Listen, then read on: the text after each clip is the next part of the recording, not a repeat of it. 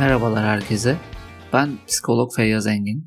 Bu bölümde neden akıcı şekilde konuşamayız? Neden konuşurken doldurucu kelimeler veya dolgu sesleri olarak adlandırılan ı, e gibi sesler çıkarırız ve akıcı konuşma yeteneğini nasıl kazanabiliriz? Bu sesleri çıkarmaktan nasıl vazgeçebiliriz? Vazgeçmek için, azaltmak için neler yapabiliriz? Bu konularda konuşacağız.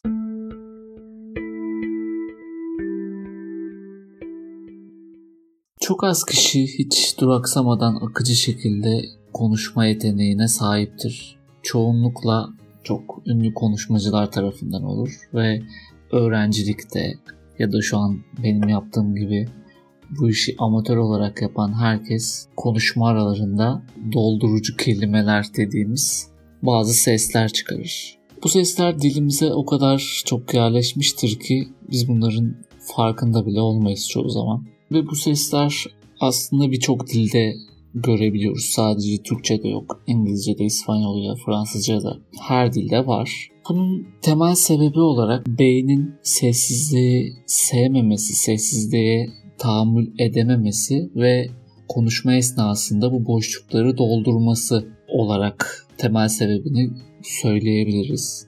Bu dolgu kelimelerini kullanmak konuşmanın akıcılığını bozar. Dinleyicileri konuşmanın temasından uzaklaştırıp çıkardığımız bu seslere odaklayabilir. Bu yüzden bu kelimeleri kullanmak konuşmacı için iyi olmayabilir. Konuşmacıyı güvensiz ve hazırlıksız gösterebilir. Peki neden bu kelimeleri kullanırız? Biraz buna bakalım.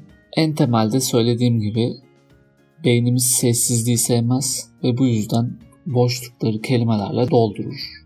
Ama buna yol açan bazı etmenler var. Tabii ki ilk önce gelen sebep kaygı ve stres.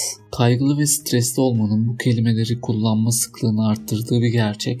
Eğer kaygı hissinin etkisinde bir konuşma yapıyorsak, konuşma esnasında duraksadığımız anlarda boşluk ve sessizlik yerine dolgu kelimelerini, dolgu seslerini çıkarırız. Bu bizim için rahatlatıcı olacaktır sessizlik yerine bu sesleri çıkarmayı tercih ediyoruz aslında. İyi hazırlanmamak yine neden bu kelimeleri kullanınızda bir cevap olabilir. Eğer yapacağımız konuşmaya veya konuştuğumuz kişinin bizim için ne kadar önem taşıdığına göre bu değişebiliyor. Eğer iyi hazırlanmadıysak, ne söyleyeceğimizi bilmiyorsak bu kelimeleri normalden daha fazla kullanma olasılığımız yükselir. Yine doğaçlama konuşmak da yine hazırlıkla alakalı durumlardan. Yapacağımız konuşmada ne kadar doğaçlama olursa o kadar çok dolgu kelimesi kullanırız. Konuşma esnasında bir sonraki cümlede ne söyleyeceğimizi düşünmek bir boşluk yaratır. Ve beynimiz yine bu boşluğu bu sesleri çıkararak doldurur aslında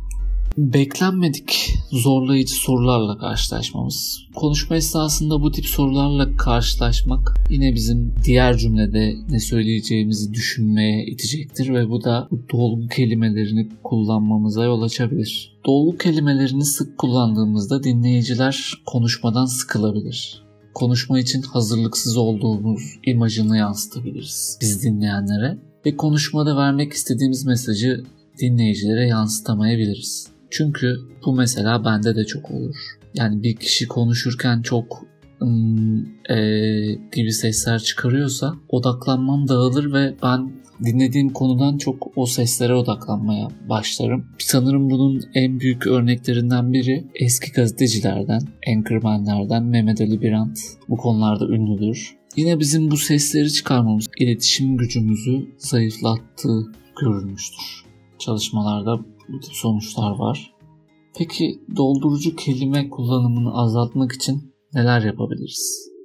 İlk öncelikle birçok problemde olduğu gibi farkında olmak bir problemin çözümü için ilk şarttır ve bizim de ilk adım olarak ne sıklıkla ve nerelerde dolgu kelimeleri kullandığımızı tespit etmemiz gerekir. Kendi konuşmalarımızda kullandığımız dolgu kelimelerine odaklanabiliriz. Burada bunu nasıl yapabiliriz? İşte çeşitli kayıtlar alabiliriz, videolar çekebiliriz. Eğer farkındalık kazanmak için kendimiz bunu yapamıyorsak arkadaşlarımızdan veya ailemizden destek alabiliriz. Bu konularda onları uyarıp ben her dolgu kelimelerini kullandığımda e gibi sesler çıkardığımda beni uyarın şeklinde onlarla konuşup sürekli bunun üzerinde farkındalığımızı arttırmaya çalışabiliriz. Yapacağımız konuşmalara iyi bir hazırlık ve planlama yapmak çok önemli. Çok iyi şekilde hazırlandığımız, dün hatlarıyla hakim olduğumuz konularda konuşma yapmak çok daha kolay olacaktır.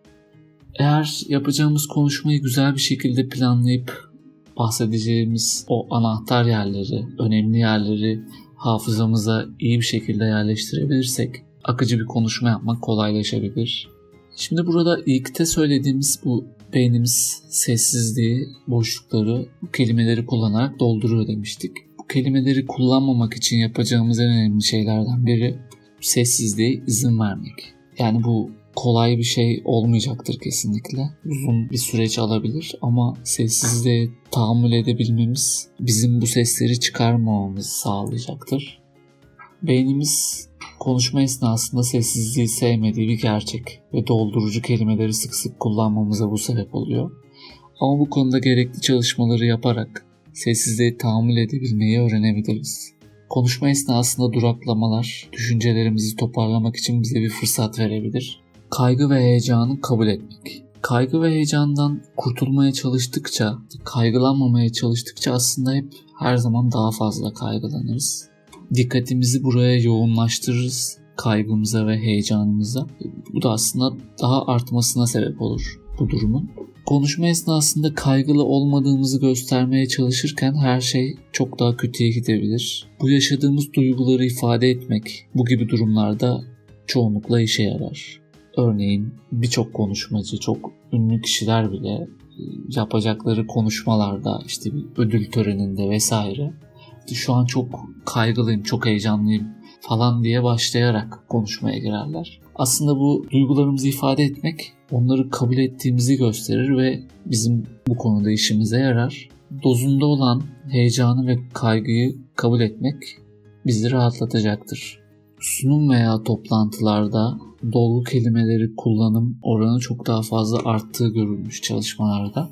Burada sunumlara veya toplantılara hazırlık yapmak dediğimiz gibi çok önemli pratik yapmak ve pratik yaparken bir aynanın karşısında yüksek sesle yapacağımız konuşmayı tekrar etmek, pratik yapmak, üzerinde çalışmak bu konuda bize yardımcı olabilir. Bu konuda bazı karşıt görüşler de vardır, farklı görüşler de vardır.